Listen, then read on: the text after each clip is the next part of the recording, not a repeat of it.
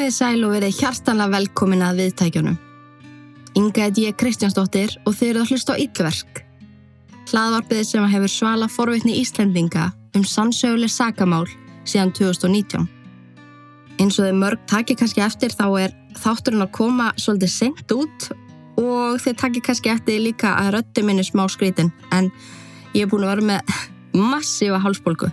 En það er alltaf komist í lag og ég vona að ég komist í gegnum hennar þátt án þess að missa röttina. En við látum þetta ganga. En mér langar að gera svolítið vel við ykkur í þessum þætti. Því að þetta er síðasti þátturinn fyrir sumafríi mitt.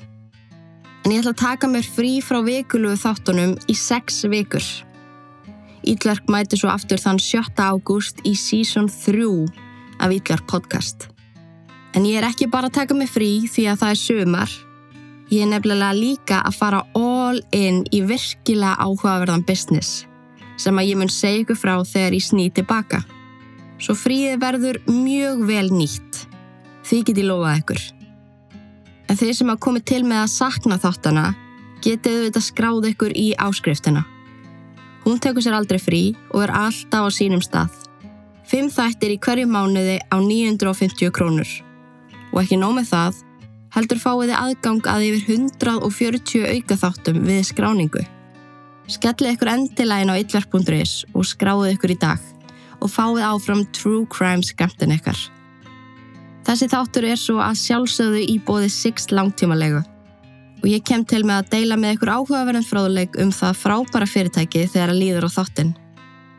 En já, eins og ég segi þá langaði mig að gera svolítið vel við ykkur og ég ákvaði að búa til smá nostalgíu stemmingu og endur gera með fyrstu þáttunum sem að ég gaf út. Ég man eftir þessu eins og þetta hafi gæst í gærs. En ég man að síðast þegar ég var að undirbúa þennan þátt eða þetta mál, þá átti ég ekki tölvu svo að ég horfið á YouTube í símanum mínum og útbjó handskrifað handrit út frá því. Þegar það var svo tilbúið þá tók ég sjálfa mig upp í voice memos í símanum og mörgjaði klippunum svo saman í appi sem ég fann. Og það besta er að ef að mér langaði að hafa hljóðklippur í þættinum þá fekk ég símanni á kærastanum mínum í láni. Spilaði hljóðklippuna í hans síma og tók hann upp í voice memos í símanum mínum. Það var alveg pottið til betri leið til þess að gera þetta en ég var bara algjör núpið þegar að koma í svona. Allt mjög svona skítmixað. En ég var bara svo ótrúlega spennt fyrir því að byrja að gefa út þætti og Ég vildi gera þetta strax, ég gæti ekki beðið. Sama hvað eitthvað neginn, þá ætlaði ég að gera þetta. Þættinni fóru svo í loftið, algjörlega ókleftir.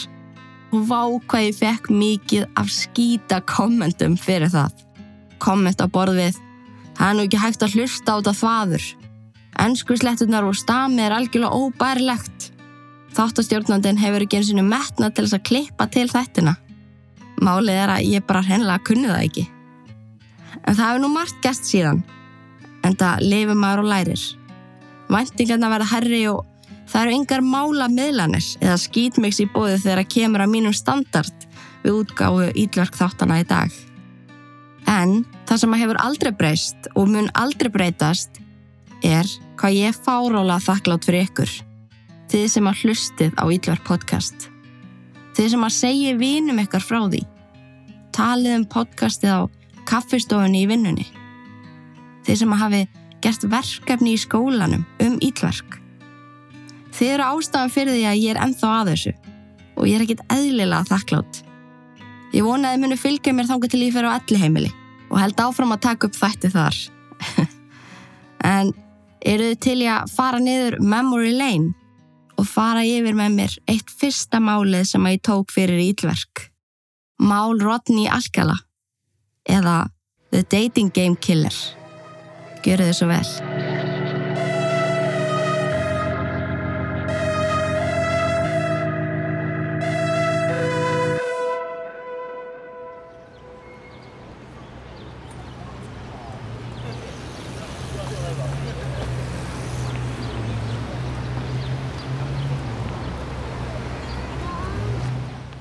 Morgunin 25. september árið 1986 var lauruglubifræð 247 kölluð út Laurugluþjóttin Chris Camcho var einn í bílnum þegar að útkalli barst. Staðsettur á Sunset Boulevard í Los Angeles. Húnum var tjáð að ungu maður á leði til vinnu hafi tekið eftir ljósbrúnum fólksbíl keira róla fram hjá lítilli stelpu. Maðurinn sem á ókbílnum var einn á ferð. Stoppaði bílinn svo við hlið stelpunar sem að hristi höfuðið eftir að hann hafi sagt eitthvað við hana. En stelpan endaði svo á því að setjast upp í bíl til hans. Ungi maðurinn sem var vittnið að þessu fann á sér að þarna væri allt með feldu. Hann slefti því að mæta í vinnuna á tilsettum tíma og eldi ljósbrúna bílinn allalegði til vestur Hollywood þar sem að stelpan og maðurinn fóru saman inn í hrörlega byggingu. Vegna unga mannsinn sem að ringdi þá fekk Chris Camacho laurugluþjótt nákvæma staðsendingu og ókþanga strax. Chris bankur á hörðina og heyrir ykkur um gangaðum íbúðuna og færa til hluti. Hann bankar aftur og eftir að hafa beði í rúma mínútu kom maðurinn á ljósbrúna bílnum til dera. Hann var nakinn með handklæði vafið utanum mittið. Chris segist að hafa fengið ábendingu um að lítil stelpa síðan á heimilin hans, hvort hann með ekki koma þess inn og ræða við hana. Maðurinn með handklæði spurði hvort hann mætti ekki klæða sig fyrst. Hann var að koma úr sturtu. Chris sá að hár mannsins var ekki blöytt og ef hann var í sturtu en stökk út til þess að koma til dyra, hefði hann aldrei náða að þurka sig svona vel og hratt. Svo hann sagði nei Ég þarf að fá að koma núna. Maðurinn með hanglaði spyr þá hvort hann megi allafann að fara í nærböksur. Chris segi þá að hann fái 30 sekundur til þess að fara í nærböksur. Svo mun hann koma inn. Maðurinn brosi til hans og hallar hurðuna eftir sér. Chris býður í nokkra sekundur. En hann segi setna meira að hann hafi fundið verulega slæma tilfinningu fara um sig allan. Hann ákvað því að fara inn í íbúðuna þótt að 30 sekundu var ekki liðnar. Allt í hennu stóð Chris í forstofu mannsins. Á vinstri hönd var safnherbyggi og á hægri hönd var stofa. Beintaugum var eldúsið og Chris sá strax mikið blóð og eldúskápunum og á golfinu. Hann kallaði til mannsins að gefa sig fram. Lauruglan var á svæðinu og hún var komin inn til hans. Er hann gekk lengra en gangin, sá hann á eldúsgolfinu lág lítil stelpa. Höfustelpunar var þakið blóði og stór blóðpóllur umlugti hana. Við hliðinnar lág hjártstöng, útötu blóði og taldi Chris að þetta væri vopnið sem hún hafi verið barinn með. Blessunarlega var stelpan á lífi, en með döfri röttu gæti hún sagt Chris hvað hún hétt. Tali Shapiro, átt ára. Maðurinn hafi nauðgað henni og lamið hana svo með hjártröri þegar hún reyndi að sleppa. Á þessum tímapunkti var liðsauki sem að Chris hafi kallið eftir mættur á svæðið. Ásand sjúkrabíl sem að flutti tali í flíti á sjúkrahús. En maðurinn sem að rendi henni var hins vega hvergi sjáanlegur. Hann hafi flúið út um lítinn glukka inn á baðherbyggi.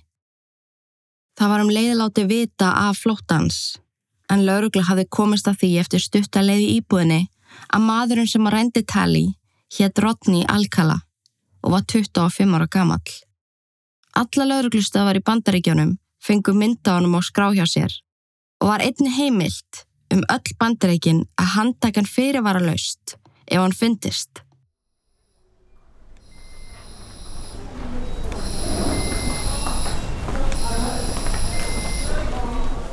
Tali Shapiro var nokkuð fljóta að jafna sig líkamlega eftir árásjana en andlegi skaðin sem að fylgdi þessari skjálfulu árás átt eftir að fylgjenni það sem eftir er. Það þurfti að sauma 45 spór á höfðið hennar. Andliti var verulega marið og legungin rifin og bólkin. En þráttur þetta harka hún af sér og heikaði ekki við að sittjast upp í sjúgráðsrúminu og segja lauruglega frá því sem hefði komið fyrir hana. Allavega því sem hún myndi eftir.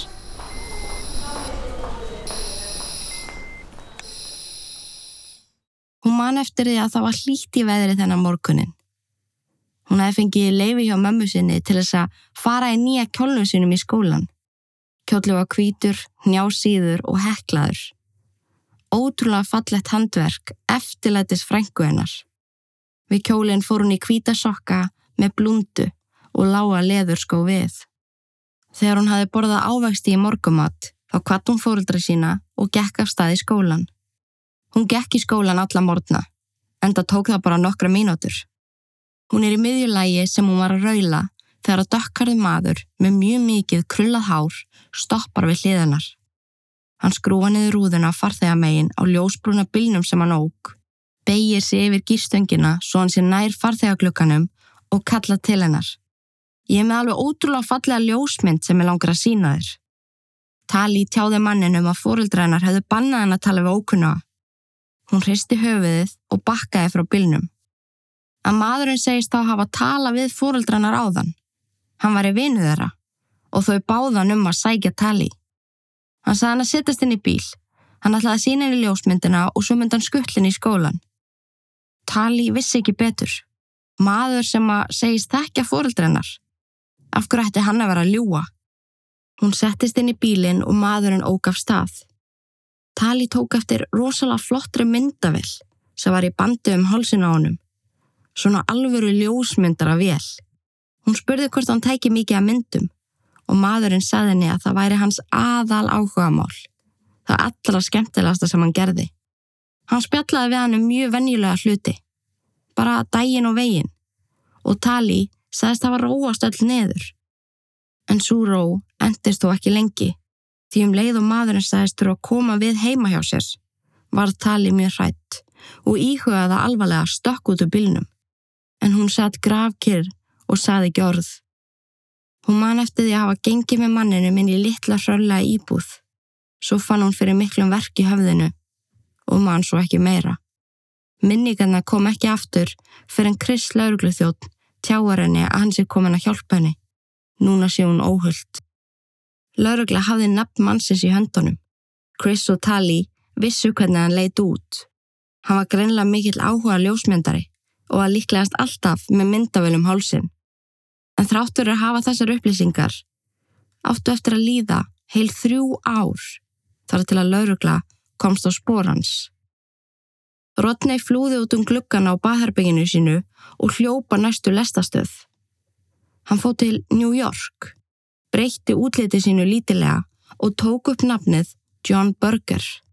Hann fór á milli hostela og sapnaði sér auka pening með því að taka myndir af túristum. Vikuna liðu og hann fekk algjöran frið í New York og enginn virtist kannast við hann. Rodney sótti um í NYU eða New York University og flutti inn á vist skólans. Hann var á kvikmyndasviði í skólanum og var meðal annars með Roman Polanski í tímum. En hann var eiginmaður Sharon Tate sem var myrst á hróttalegan hátt af Charles Manson fjölskyldunni sem er klálega mál sem við þurfum að taka fyrir eitt daginn en Rodney fór í gegnum námið sem John Burger. Hann var virsturinn á skólans, vinamarkur, í miklu uppbehaldi og kennurum og profesorum, ásandi að vera mikið kvennakull. Í gegnum sambandsvín í NYU þá fekk hann sömarstarf í New Hampshire á Englandi, sömarið 1971. En þar fóru fram lista sömarbúðir fyrir börn, þar sem að Rodney eða John sendi starfi ráðgjafa og aðstofa kennara. Börnin í sumabóðunum voru kvött til þess að skrifa bref til fjölskyldu sinnar og segja þannig frá upplifin sinni og frá því sem þau voru að læra. Þegar að rúm vika var liðin af sumabóðunum fóru tvö börn með postkort á posthúsið og sáu þar mynda manni sem að þau könnuðust verulega við. Á myndinni stóð Eftirlýstur Rodney Alcala Börnin litu kort og annað og sögðu Býtu, er þetta ekki John Burger? Kennari? Þau sögðu öðrum kennara sumabúðana frá þessu sem að skoðaði máli frekar. Þegar hann sá líkendin ákvaðan að hafa sambandi lauruglu undir eins. Dæin eftir var Rodney handtekinn og fluttur aftur til Kaliforníu.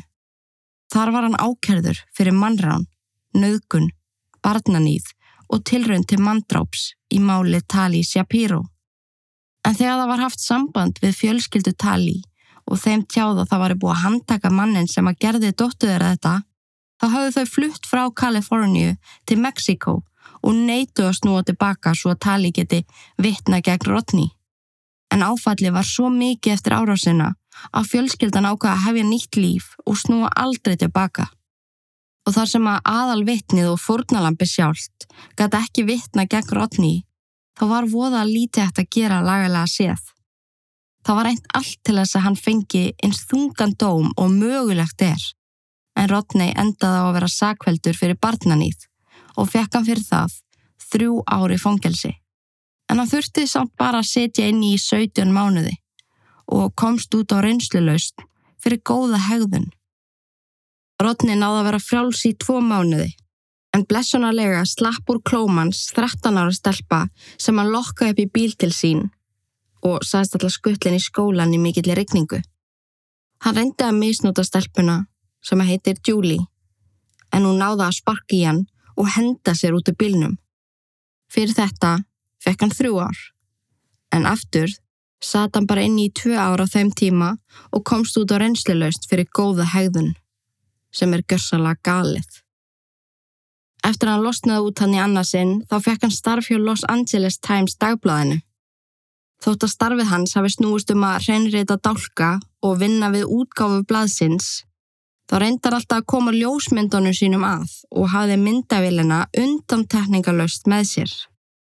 Rodney starfaði þann í rúmt ár og nýtti skirtinni sitt sem að síndi fram á að hann var að vinna hjá Los Angeles Times til hins ítrasta. Hann nálgæðist bæði ungarstelpur og ungarstráka og spurði hvort hann mætti taka ljósmyndir af þeim fyrir myndasa blaðsins. Í þetta ár sem hann starfaði hjá blaðinu þó tók hann nektarmyndir af yfir þúsund ungmennum. Algjörlega óháð blaðinu.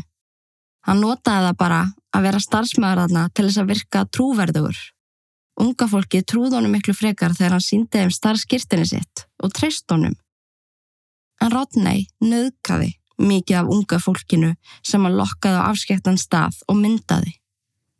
Svo skildi hann eftir nakið og berskjaldað Enginn sagði til hans því að þau skömmuðust sín fyrir að hafa trúað í að þetta væri alvöru myndataka. Það var einn stelpa sem að hétt Monique Hoyt sem að tilkynnti hvað hann hafi gert til lauruglu. Hann hafi sagt við hann að hann væri atvinnu ljósmyndari með mikla reynslu. Hann var að safni möppu, myndum á stelpum og strákum sem átti að fylla heila opnu í Los Angeles Times, þar sem hann starfaði. Monique treyst honum fór með honum á afskekt svæði, pósaði fyrir nokkra myndir og man svo ekki meir. Hún rankaði svo við sér nakin, alein og með mikinn verk aftan í höfðinu og í klófinu. Madurinn hafi kynnt sig sem John Burger og Monique tilkynnti þetta nafn til lauruglu. En máli hennar átt eftir að liggja ofan í skuffu lauruglu í áratug til viðbótar. Því hverki fannst þessi John Burger og ekki tókst að para saman það nafn við Rodney Alcala fyrir en löngu síðar. Rodney hikaði ekki við að sína samstarfsfélögu sínum hjá Los Angeles Times myndirnar sem hann tók, hvort sem að það voru nektarmyndir eða andlitsmyndir. Það var ítrekka sagt við hann að nota ekki blaði sem tálbætu til þess að taka myndir af fólki. Það væri mjög óviðigandi, líka því að starfið hans fólst ekki í því að taka ljósmyndir. Hann var á endan að láta henn fara því að konundar sem var unni með honum kvörtuð undan honum. Hann reyndi stanslöst við þar, kommentaði á líka með þeirra og söðaði um að fá að taka af þeim nektarmyndir. En Rodney vann hjá þessu bladi í rúma 8 mánuði. Árið 1978, þegar Rodney var 35 ára gammal, þá sótt hann um í mjög vinsælum sjóastætti. En þátturinn hétt The Dating Game og voru leikreglur mjög svipar og í djúbulauginni. Einhleipkona, tjald á milli og þrýr einhleipi kallar. Konan þarf svo að spyrja spurninga og velja hverjum henni langar að fara á stefnumót með einungis út frá röttinni þeirra og svörunum þeirra. En það var alveg heljarinnar aðsokn í þessa þætti og það segir alveg helling um bæði útlit og sjarma Rodney að hafa komist inn í hann. Þáttastjórnandin og reynsluboltin í sjóasbransanum, Jim Lang, kynnti Rodneyin í þáttin sem eftirsóttan og reynslumegin ljósmyndara ásandi að vera móturhjóla áhuga maður og háður því að fara reglulega í fallífastökk. En við skulum heyra hvernig hann gekk í þættinum. Því það er actually til eldgömul klippa úr þættinum þar sem að Rodney kemur fram. From Hollywood, the dating capital of the world, it's The Dating Game.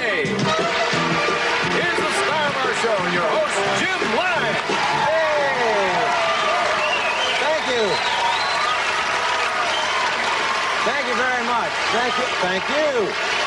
And welcome to the dating game. And we'll get right underway. It's time to meet our first three eligible bachelors for game number one. And here they are.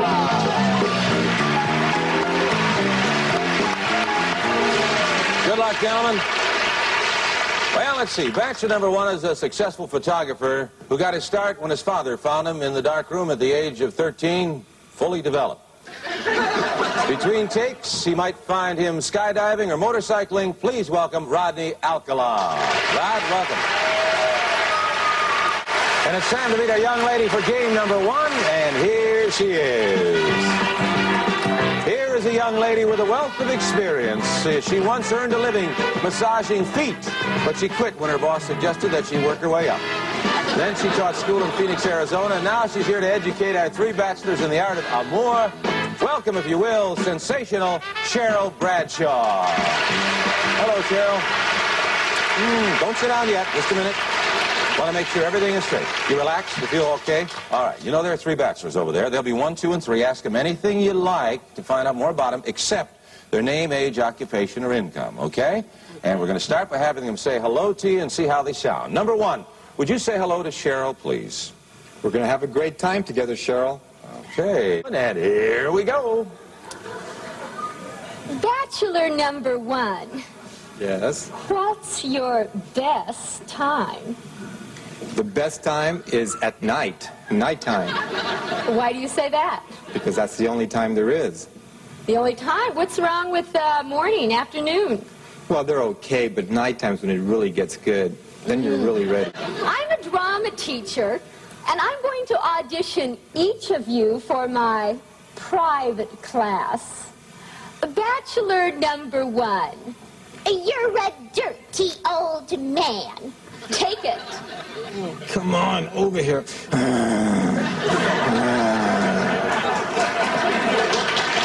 Oh, honey, we ought to go out and boogie.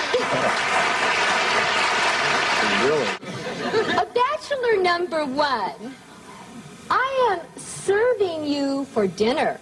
Oh, What are you called and what do you look like? I'm called the banana, and I look really good. Uh, can you be a little more descriptive? Peel me.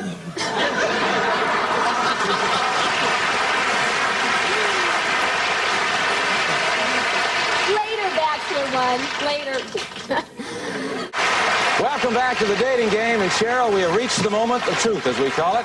You've heard from the bachelors. You got some great dramatic presentations, some good answers. But now I'm going to ask you a question. Will that date be bachelor number one, bachelor number two, or bachelor number three? Who gets the date? Well, I like bananas, so I'll take one. Number one, bachelor number one. All right. Well, there they go. However, you did leave one remaining, and this is your date, and I want to tell you something about him, Cheryl. He's a skydiver, so he's got a lot of nerve. He's into motorcycling. He's also a fine photographer. Say hello to Rodney Alcala. Rodney, come on and say hello. Congratulations, Rod. You did it with the one answer. Well, as far as I can see, Cheryl and Rodney, it looks like the two of you may be involved in some sort of racket. Og gæinn bar sigur úr bítum. Hinn undurfæra Cheryl Bradshaw valdi hann út frá svörumanns og var næsta skref hjá þeim að fara saman á stefnumót. En út af nákvæmlega þessu þá ótti Rodney eftir að fá viðunefnið The Dating Game Killer. En það varð hins vegar ekkert úr stefnumóti Rodney og Cheryl en hún segir í viðtali setna meir að henni hafi fundist Rodney alveg ótrúlega óþægilegur og creepy náungi. Henni leið bara ekki vel í návistans svo hún ákvaða að segja nei við stefnumótinu. En samkvæmt þeim sem að þekktu Rodney sögðu að hann hafi ekki tekið þessari höfnun vel. Hann vann, en samt dróði þetta tilbaka. þóttu hún þekkt hann ekki neitt, sem að Rodney fannst verulega ósangjant. En margir telja að höfnunin sem hann varð fyrir í kjölfar þáttarins hafi ítt undir nú þegar mjög brenglaða andlega hegðun.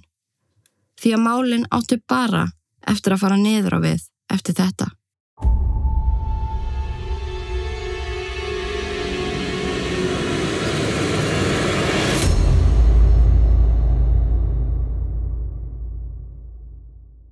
En hver var Rodney Alcala?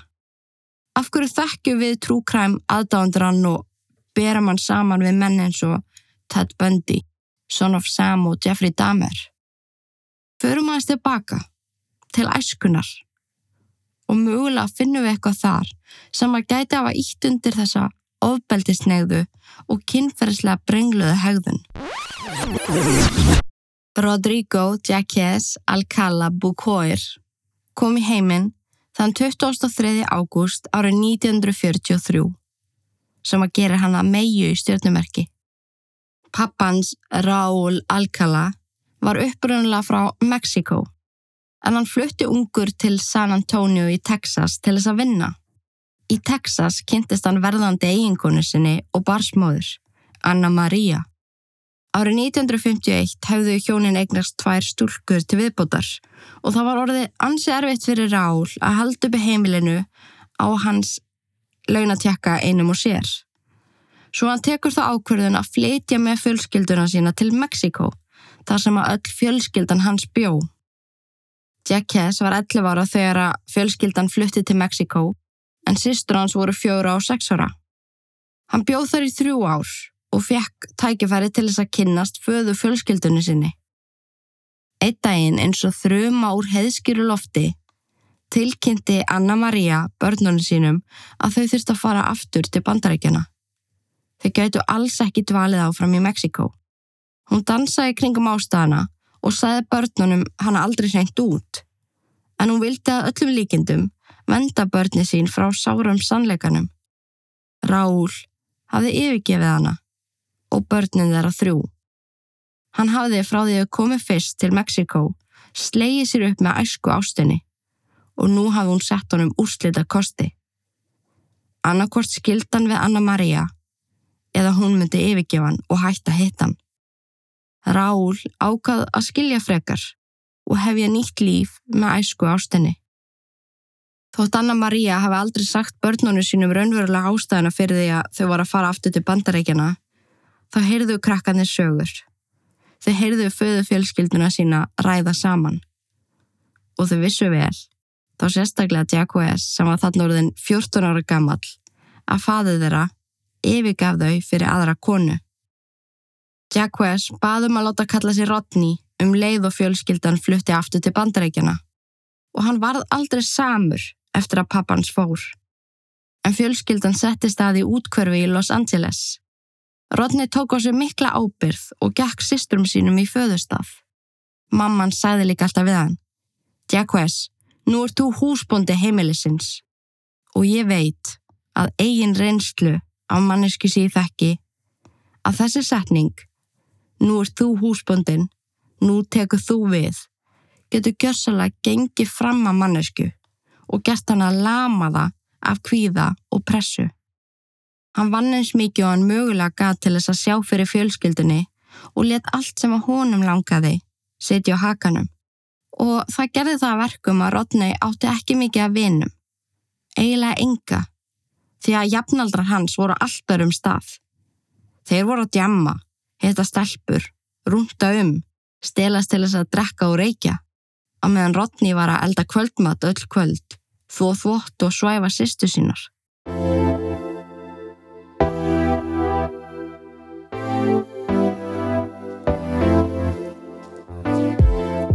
Ég ætla að henda í eitt reikningsdæmi fyrir ykkur.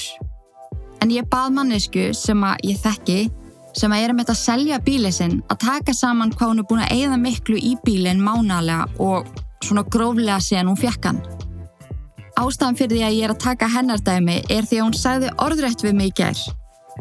Sétt hvað ég væri til að ég hefði tekið bílalegu bílinn sem ég var að spá í. Því það er búið að vera mjög dýrst og perrandi að bæði halda upp í bílnum og svo selja hann. En reikningurinn byrja með að hún tekur bílalán. En hún keipti sér árskamlan bíl. Hún átti eitthvað um 900.000 sem hún hendi í útborgun og tók svo lán upp á 4 miljónir. Í hverju mánuði þá greiður hún 68.000 af þessu bílaláni. Svo þurft hún að eiga við bílaumbóðið sem að selja þessa bíla. Þar þurft hún að fara í þjónustu skoðanir og það er dýrst ef að það þarf að gera eitthvað. Og ángríns í hverskipti sem var einu sinni ári þá hend hún í 150 til 200.000 í bílinn í þjónustu skoðun. Ofan á það fannst henni umbóði glatað og þjónustan ekkert eðlilega ópersónulega og dónaleg. Svo voru það að dekja umgangarnir.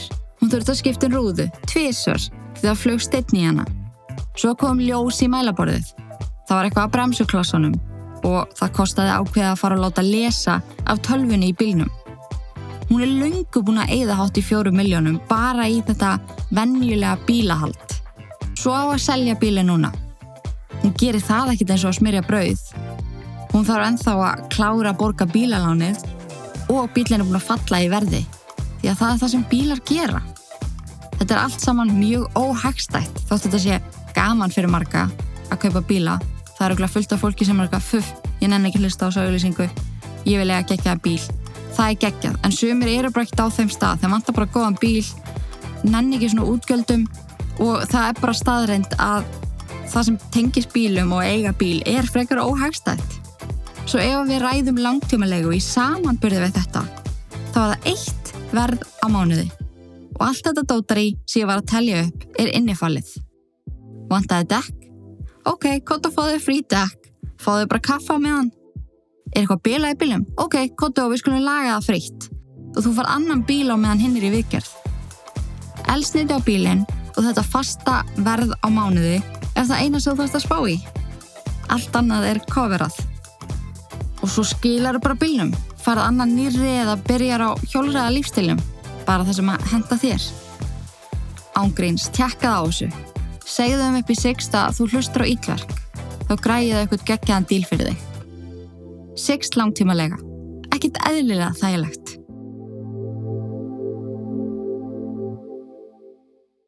Velkomin tilbaka. 17 ára gamall gekk Rodney til liðs við bandaríska herin. Hann var hillandi, duglegur og vinsæll meðal þeirra sem hann vann með og alltaf álitin algjörst topp náungi. En Rodney hefur þannig sett upp sína allra bestu grímu og náða haldin í næstu í þrjú ár. En í lok þriði ársins í hernum þurftu vinnufélagar hans að halda honum niðri því að Rodney trilltist. Hann ofandaði, reyfi hárið á sér, öskraði, barðist um og grétt og þetta gerðist algjörlega upp úr þurru. Félagar hans þurfti að halda honum niðri og reyna að róa hann í rúmar 20 mínútur þar til hann slakaði á. En læknir innan hersins tjáði Rodney að þarna hafa hann fengið taugaáfall og það sé mjög mikilvægt að hann fái viðeigandi sálfræði meðferð og aðra aðstóð við því sem að hann var greinilega gangið gegnum. Þingslinn innra með honum voru orðin of mikil fyrir hann einan að bera. En daginn eftir var Rodney horfin. Hann hafði farið úr herbúðunum um miðjanótt og skilið allt dótið sitt eftir. Hann húkaði sér far frá Forstbakk herstöðunum í Norðu Karolínu heim til mömmu sinnar í Los Angeles og þegar hann loksins komst heim til hennar eftir að allir höfðu leitað hans, hrundan í fangið á henni og grétt. Mamma Rodney let vita af því að sonur hennar var í komin í leitinar og sálfræðingur á vegum hersins kom nokkrundum síðar og rætti við hann. En það sem að hann gerði með að fara svona kallast AWOL eða Absence Without Leave. En þú ferð ekki frá herbúðum án leifis. Þegar að hermaður tekur þessa ákverðun án þess að tala við neitt er tekið því sem svo að hann ætli ekki að snúa aftur og hann má heldur ekki snúa aftur. En Rodney var grindur með andfélagslega personleika röskun af læknateimi hersins. Sú röskun einkennist af því að einstaklingur verðist samviskulegs hugsar fyrst og fremst um sjálfa sig og tekur lítið tillit til annara. Ekki er óalgengt að einstaklingurinn geti verið mjög sjarmerandi á yfirborðinu en verði jafnframt snöggreiður, árásagjatt og óáreðanlegur. Einstaklingur með andfélagslega persónleikaröskun er mun líkleri til þess að misnóta áfengi og vímuöfni, auk þess að vera mun líklari til þess að beita ofbeldi. Líkt og með aðrar persónleika raskanir er erfitt að benda á eitthvað eitt sem orsaka vald. Gen geta haft meiri áhrif en með aðrar persónleika raskanir og einni eru uppeldis aðstæður, líklegur áhrifavaldur. Sérilagi ef einstaklingurinn ólst upp í ógnandi heimilsaðstæðum eða hefur orðið fyrir áföllum í æsku. Að öllum líkindum þá þróaði Rodni með sér andfélagslega persónleikaröskun eftir að pappans yfika fjölskylduna og hann þurfti að taka við húsbonda sætinu. Gæin var svo stressaður yfir öllu saman að hann fekk taugaafall um tvítugt. Rodney dvaldi hjá mömmu sinni nokkra vikur eftir brottræksturinn úr hernum en ákvað svo að sækja um á síðasta umsóknadegi í UCLA listaskólanum. Og ótrúlegt hann satt, þá komst hann inn í þennan vinsæla skóla. Hann flutti inn á heimavistina og útskrifaðist þaðan með glæsibrag eftir fjögur ára nám.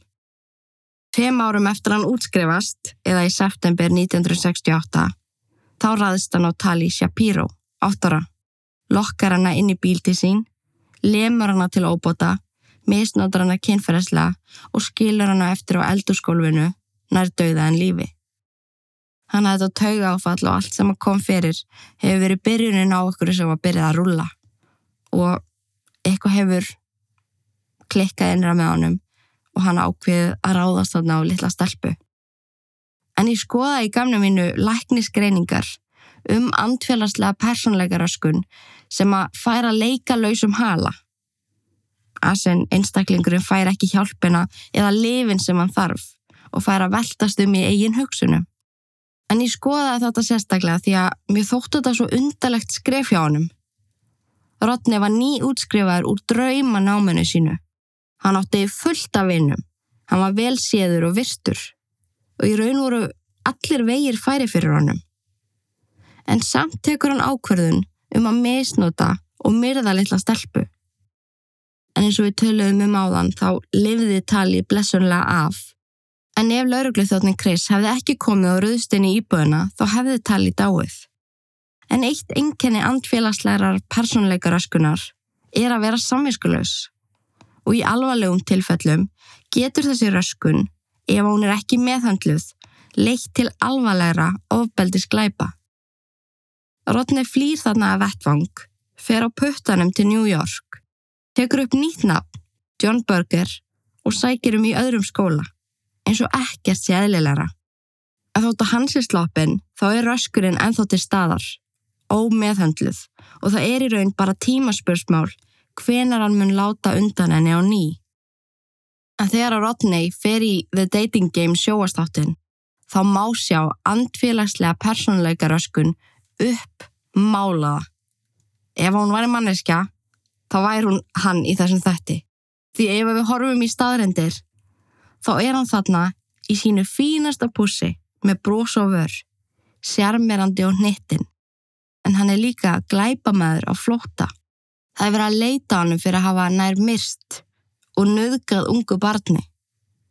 Þú þarfst að vera ákveðin tegundarsteik og með verulega mikið ego og brenglaðan hugsunahátt til þess að geta þetta. Til þess að geta farið í hann þátt og verið með þessa grímu. From Hollywood, the dating capital of the world, it's the Dating Game. Here's the star of our show, your host, Jim Lang. Það er Robin Samso, 12 ára, og besta vinkuna hennar Jenna áttu heima í Huntington Beach. Miðugudaginn 20. júni árið 1979 kom Jenna við hjá Robin á hjólinu sínu. En það er ætlað að fara saman á ströndina áður en Robin fór á ballettæfingu. Þær komu sér fyrir á teppi sem þær komu með heimann og nutu veðublíðunar á ströndinni. Eftir að þær höfðu setið á ströndinni í nokkra mínútur, nálgæðast þær maður sem að spurði hvort hann mætti taka myndir á þeim. Hann væri að starfa fyrir tímaritt og hann var að taka svipmyndir af ströndinni þennan dag. Robin, opna típan sem að hún var, saði strax, uh, já, á meðan Jenna hörfaði. Maðurinn tók myndir og hjælt svo áfram að ráfa um ströndina. Robin þurfti svo að drífa sig af stað til þess að fara á ballettavengu og þegar að stelpunna stóðu upp, þá sá Jenna að maðurinn horfiði til þeirra og gekk að bylnum sínum. Jenna bjó mjög stutt frá ströndinni og gatt hlaupið heim á innan við mínútu, en leið Robin á ballettæfingu var lengri. Jenna sagði því vinkonu sinni að taka hjóli sitt og hjóla eins rætt og hún gatt.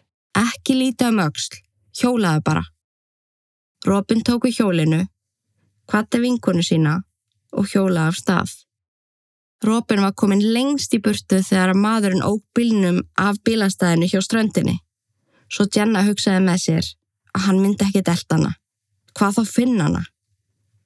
En Robin, hún skilaði sér aldrei á ballettæfingu. Þegar að kennari Robin ringdi í fóldrannar og sagði þeim að hún hef aldrei mætt, ringduðu beint á laurugluna og töluðu einni við Jennu sem að sagði þeim frá öllu. Með lýsingu Jennu var hægt að teikna upp nokkuð góða mynd af ljósmyndaranum sem að nálgæðast þær og var satt af stað viða mikið leit að bæði honum og tólvara gömlu Robin. Tólf dögum síðar fannst líkenar í þjættu skólendi í Los Angeles. Það var búið að misnótana kynferðslega á hróttalegan hátt og hún sé hann kyrt til bana. Rodni var handtekinn í tengslu við morðið á Robin en á þessum tíma þá bjó hann heima á mömmu sinni. Þegar það var gerð húsleit á heimilans og móðunans fannst sölukvittun fyrir geimslu sem að Rodni hafi greinlega tekið á leigu. Þegar geimslan var skoðuð fannst lítill útsaumaðu póki fullur af kvennmann skarkripum. Fóreldra Robin fengi að skoða skartið en mammenar kannaði strax við eirnalokka í pókanum en þessa lokka átti hún en Robin fekk það oft í láni hjá henni. Það fannst líka mappa, stút full af ljósmyndum af bæði ungum strákum og stelpum og ein myndin var af Robin á ströndinni. Rodney var þarna handtekinn og ákjörður og í þetta skipti þá fekk hann ekki grín dóm eins og í hinn tvö skiptin. Réttahöldin hófust í byrjun 1980 og var hann dæmtur til dauða fyrir morðið á 12 ára gömlu Robin Samsó. En nokkrum dögum síðar var tilkynnt að dómurinn væri ógeldur. En það tilkynnti hæstiréttur Kaliforníu. En hviðdómsnefnd hafði ekki fengið upplýsingar um fyrri dóma Rodney ásandi að fá ekki að vita af andfélagslegu persónleikaröskuninni sem að hann var greindu með. Það var því talið að Rodney hafi ekki fengið sangjöld réttahöld. Rodney var í haldi frá 1980 til 1986 þegar að önnu réttahöld hófust. Réttahöldin voru mjög svipuð og þau fyrri, nema núna var haft með upplýsingarnar um geðsjúkdómans og fyrir um glæpi. Og Rodney var hann aftur fundin segur og dæmdi til dauða fyrir morði á Robin. Og spái í því að fóreldrænar þurftu þarna að sjá hann aftur, fara í gegnum allt þetta réttahaldaferli aftur. Og ég er ekki einu sinni smá að grínast í ykkur, en árið 2001 þá ógildi nýjundi áfríðunadómstólinn dauðarafsinguna. Aftu að talið að Rodni hafi fengið ósæmgjöld réttahöld út af einhverjum fárónlegum, mjög smávæginlegum, tæknilegum atriðum. Fjölskylda Robin styrlaðist sem er mjög skiljanlegt. En lögfræðinga þeirra lofuðu að gera allt sem að þau mögulega gátu til þess að ná fram réttlætinu, að þetta myndi aldrei gerast aftur. Og í rauninni það eina jákvæða í þessari stöðu var að DNA rannsóknir voru orðnar mun fullkomnari. Um allan heim voru sérfræðingar á fullu að para saman eldgömmul DNA síni við DNA síni í gagnagrunni. Í kringum 2000 og enn til dagsins í dag er að leysast svo fárala mörg óupplýst mormál, eldgömmul, því öll rannsónatækni er orðið svo fullkomin og nákvæm. En þegar lögfræðingar Robin og fjölskyldu hennar undibjöku þriðju réttahöld Rodney Alcala fóruðu á fullt í að grafa í gömul óupplýst mál. Sæði síni úr Rodney passaði við sæði sem að fannst í laugungum tvekja kvenna sem að fundust látnar í kringum 1980. Þeim hafi báðum verið nöðgað. Það er kirstati bana og síðan skildar eftir út í vegkanti. Þar fundust á svipari staðsendingu með viku millibili. Mál Jill Barkamp, 18 ára, var einni leist á þennan hátt.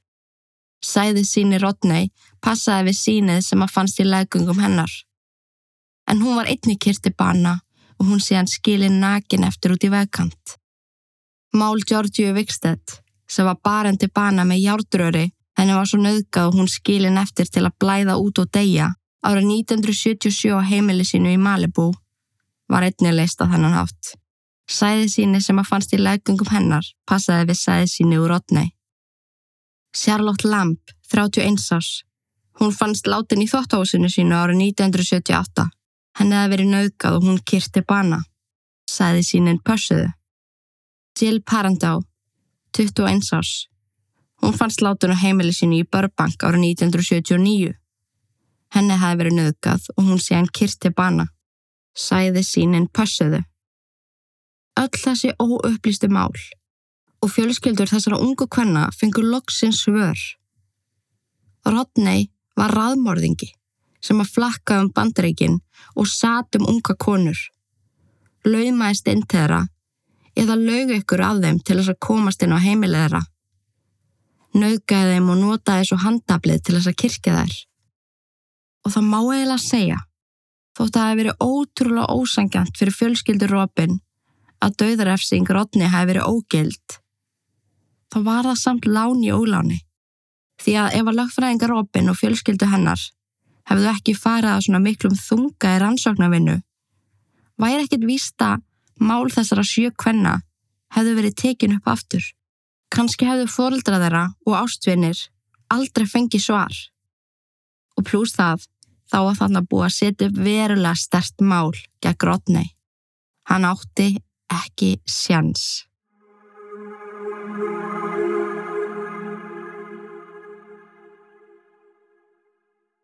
Þriðju réttuhöld Rodney hófust í februar árið 2010.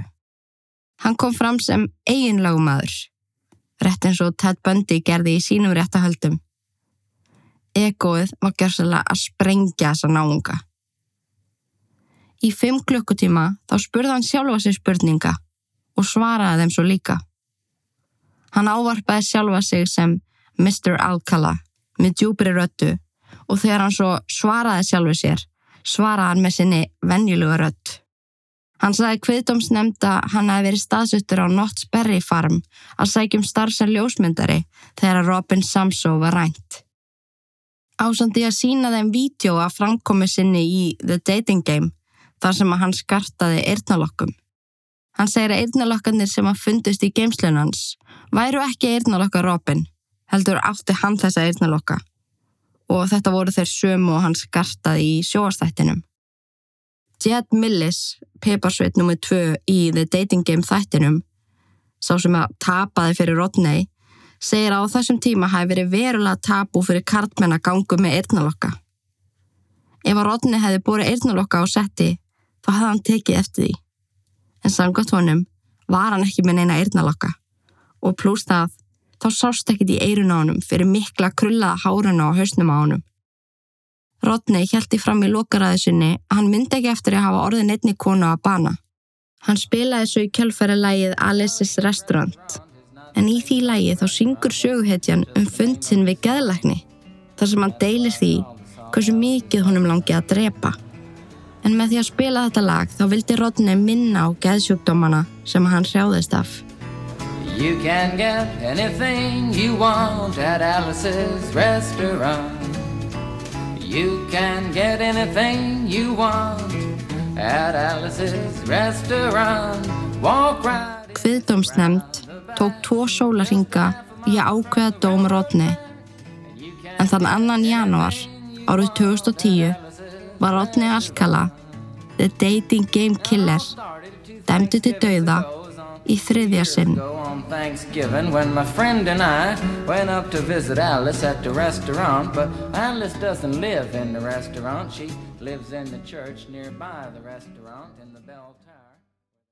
Í mars árið 2010 þá byrstu lauruglu yfirvöld í Huntington Beach, Kaliforníu og New York 120 ljósmyndir sem að Rodney hafi tekið af ungum konum. Með því að byrsta ljósmyndirnar þá vonaðist laurugla til þess að almenningur geti aðstofað við að bera kennsla á konunnar. Í þeirra vonum að komast að örlugum þeirra. hvort einhverjar af þeim væru möguleg fórnalum brotnei. Það voru númlega 900 ljósmyndir til viðbótar sem var hreinlega ekki hægt að byrta ofinberlega því að þar voru of kynferðislegar. Fyrstu vikuna eftir að myndirna voru byrtar þá stigu fram 21 kona sem að þekktu sjálfa sig á myndunum. Sex fjölskyldur hafðu samband og báru kennsl á sex konur sem að hurfu sporlaust fyrir mörgum árum og hafðu aldrei fundist. Árið 1977 þá kvarfinn 28 ára gamla Christine Thornton. Hún var komin 6 mánuð á leið á fyrsta barninu sínu. Líkamsleifar hennar fundust 5 árum síðar í Wyoming. Fjölskyldan glattist yfir því að hafa loksis fundið hana eftir þrótleisa leit en þeir vantaði samt alltaf að vita hver gerði Kristín og barninu hennar þetta. Það var ekki fyrir 2013 að þau fengu loksin svör en í myndasafni Rodney var ljósmynd af ófriskri Kristín í fötunum sem hún sást síðast í á lífi. Fjölskylda Corneliu Krilley hafði sambandi lauruglu því að þau sáu mynd af henni í ofinberu myndasafni Rodney. Cornelia var 23 ára gömul og starfaði sem flugfæriða hjá Transworld Airlines. Hún var nýflutti Manhattan og hafði komið sér vel fyrir í íbúðinu sem hún deldi með kærastanum sínum. Þann 24. júli 1971 kom kærastinn hennar heim úr vinnunni og fann hana meðvitundalösa á gólfinu. Henni hefði verið nöðgað og hún sé hann kyrti bana með hennar eigin sokkaböksum. Fjölskylda Antoinette Whittaker, 13 ára, hafði einnig samband. En hún kvar sporlaust árið 1977. Lík hennar hefur aldrei fundist. En Rodney hafði tekið myndir af henni og skart í eigu hennar fannst í geimslu Rodney. Fjölskylda Joyce Gunt, 17 ára, sá mynd af henni í myndasafninu, en hún kvar sporlaust í februar árið 1978. Lík hennar hefur aldrei fundist, en skarti hennar fannst einni í geimslu Rodney. Fjölskylda hennar 19 ára gömlu Pamelu John Lampson sá mynd af henni í myndasafni Rodney og hafði samband við lauruglu. Hún kvarf eftir að hafa ekki til Fisherman's Wharf í San Francisco til þess að hitta ljósmyndara sem að ætlaði að taka henni myndir. En hennar draumur var að verða módel og hafði ljósmyndara sagt henni að hann ætlaði að hjálpa henni því að hann var með sterk sambund inn í módelbransanum. En hún sást aldrei aftur á lífi.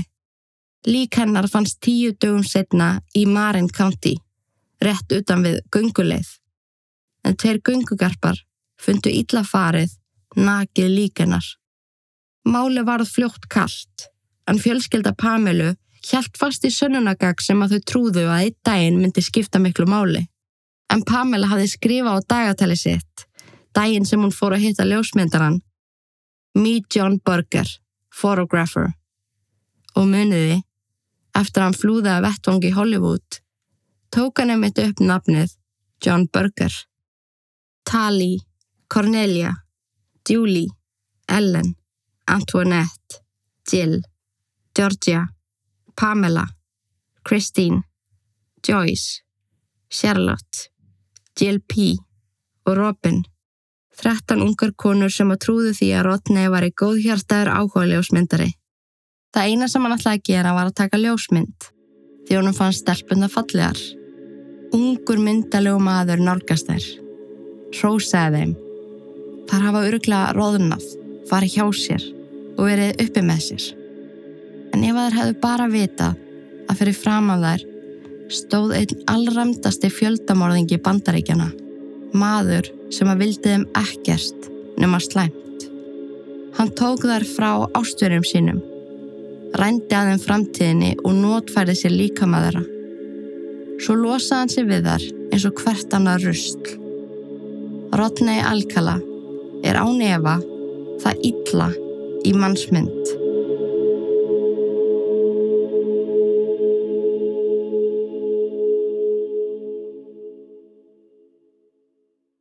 Rodney Alcala lést af náttúrunar hendi þann 24. júli árið 2021. Og svo í endin á þátt með orðum Terrain Meyers, stóru sýstir Robin Samsó sem að Rodney rændi, nöðgaði og kirti til bana. Í dag fengum við bestu frettir allra tíma. Alcala er dauður. Ég veit að mamma dansar upp á himnum.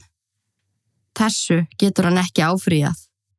Loksins getur sýsti mín kvílt í friði og ég veit að mamma sem að fór árið 2019 getur loksins gert það líka. Þið sem að lenduð á ekkun hátt í Rodney Alcala á hans lífsleið til hamingu með daginn.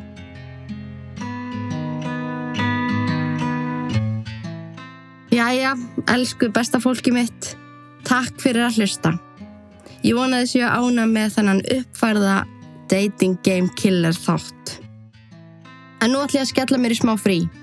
Ég heyri ykkur aftur eftir sex vikur og þá mun ég færi ykkur skemmtilega fréttir og hef ég að þriðju sériu af Ítverk podcast. En muniði að forðast öll Ítverk nema þetta podcast og skelli ykkur í áskrift ef að þið fara að sakna mín. Verið sæl. Haugur, take it away. Bættu sjöfið þú dottir eftir lukku Sýta sáli sem í djúpa hafi sökku Gangin líf eins og flugur inn í krukku meðan 666 andast uppu Bættu sjöfið og þú dottir eftir lukku. Sýta sáli sem í djúpa hafi sökku Gangin líf eins og flugur inn í krukku meðan 666 andast uppu Þegar úti fyrir að dimm og frostin ístir inn að beini Engin engil sem að veiti verði í eðilögðum heimi sem að lagðist í eði með heift og sakleysingjar týndu lífum. Verkin ítlu sem að fólki sá í sínu sínum Hversu margir hræðast drauga? Hversu margir hræðast að að horfi í augu dauðas augu taka mann á taugum eins og andar sem að herja mann. Hvaði voru á himnum fyndu engil til að verja mann. Hjartaslæri svo það sé með djöfulinn á hælunum Refur á móti hænunum, úlfur með sögða gæru Ílska reykar í bænum og lömpi þakma þórað ekki að vanda. Allt og marga sálir sem að tilbyðja fjanda Hamingja krasar eins og skip sem strandar anda Dráttur milli handa hættir að vanda Þegar að þreyttir að hálsi. Þegar ótti tekur yfir missa sakleysingjar málið eins og nortni galdra fári. Bættu sjöfið og þú dottir eftir lukku. Sýnda sáli sem í djúpa hafi sökku Gangin líf eins og flugur inn í krukku meðan 666 andast uppu Bættu sjöfið og þú dottir eftir lukku. Sýnda sáli sem í djúpa hafi sökku Gangin líf eins og flugur inn í krukku meðan 666 andast uppu Er það reyði sem að geri megin Skeppnuskapur eins og grimmir hundar sem að naga bein Og rifur inn í hænsna kofa hænur sofa svefninum langa þegar að andar koma. Þegar illir andar taka yfir liði fyrir yfirlið ef ljósið andar fara fyrir. Flesti kjósa fá að halda friði liðið í þar um og missi trúna sem það liði fyrir Flesti stand eftir og stara bara hendi sjúkum hug eins og hjá blóðþyrstum talíbana Þau þurfa að byggja fyrir sálum sínum. Eins og píkill sem er háður vímu þjáður er í sárun sínum. Byður um það eitt að hlusta sé á alla bænir sínar. Engið hefur grýtt að vegi alla fokkin æfi sína Við skulum kveikja nokkru kertum á Viltu fá að sjá 666 vandamál. Bætu sjöfið og þú dottir ert í lukku. Hýta sáli sem í djúpa hafi sökku Fangin lífi eins og flugur inn í krukku Meðan 666 allast jöfnu Bætt og sjöfið og þú dóttir eftir lukku Týnda sáli sem í djúpa hafið sökku Hangið lífi eins og flugur inn í krukku Meðan 666 andar slöpu Býðum í andartak, andafrátur, andarvar Í andarklassi skilji andar eftir andafar Býðum í andartak, andafrátur, andarvar Í andarklassi skilji andar eftir andafar Býðum í andartak, andafrátur, andarvar Í andarklassi skilji andar eftir andafar Býðum í andartak, andafrátur, andarvar þessi skilji andar eftir andafar